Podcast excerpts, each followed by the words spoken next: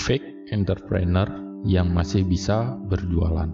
Mengapa marketer non-ide masih berkeliaran dan bisa menjual produk informasi yang isinya sudah tidak relevan lagi? Pertanyaan ini berkeliaran di kepala saya terus-menerus akhir-akhir ini. Mereka, fake entrepreneur, begitu populer. Mereka menari menjual ide yang sebetulnya sudah nggak sanggup lagi melawan arus perubahan bisnis.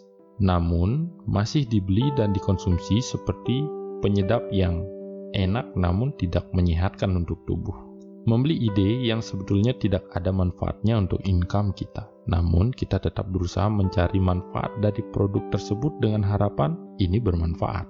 Apa yang terjadi bila hal ini terus dilakukan?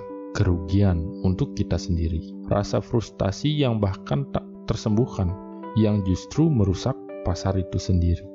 Berefek melahirkan mental yang sama sekali tidak dibutuhkan jika ingin menjadi seorang entrepreneur, dan juga membuat dunia entrepreneur yang tidak akan berkembang.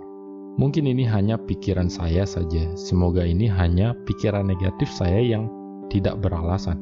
Namun jika ini benar terjadi, kira-kira siapakah penyebab semua ini bisa terjadi?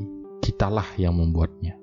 Kita yang selalu tergila-gila dengan cara-cara instan yang justru dimanfaatkan oleh mereka, si fake entrepreneur, dengan menunjukkan iming-iming income besar jika menerapkan cara-cara mereka.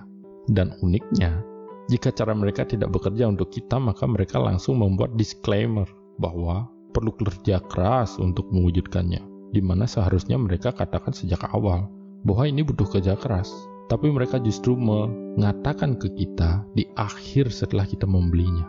Apakah kita akan biarkan hal ini terus berlanjut? Well, itu tergantung kita. Mau menjadi seperti mereka, fake entrepreneur, atau mewujudkan diri menjadi real entrepreneur yang berfokus terhadap manfaat dari setiap yang kita jual. Jadi, Anda mau menjadi fake entrepreneur atau real entrepreneur? Itu dulu story saya kali ini. Terima kasih, saya Depadma.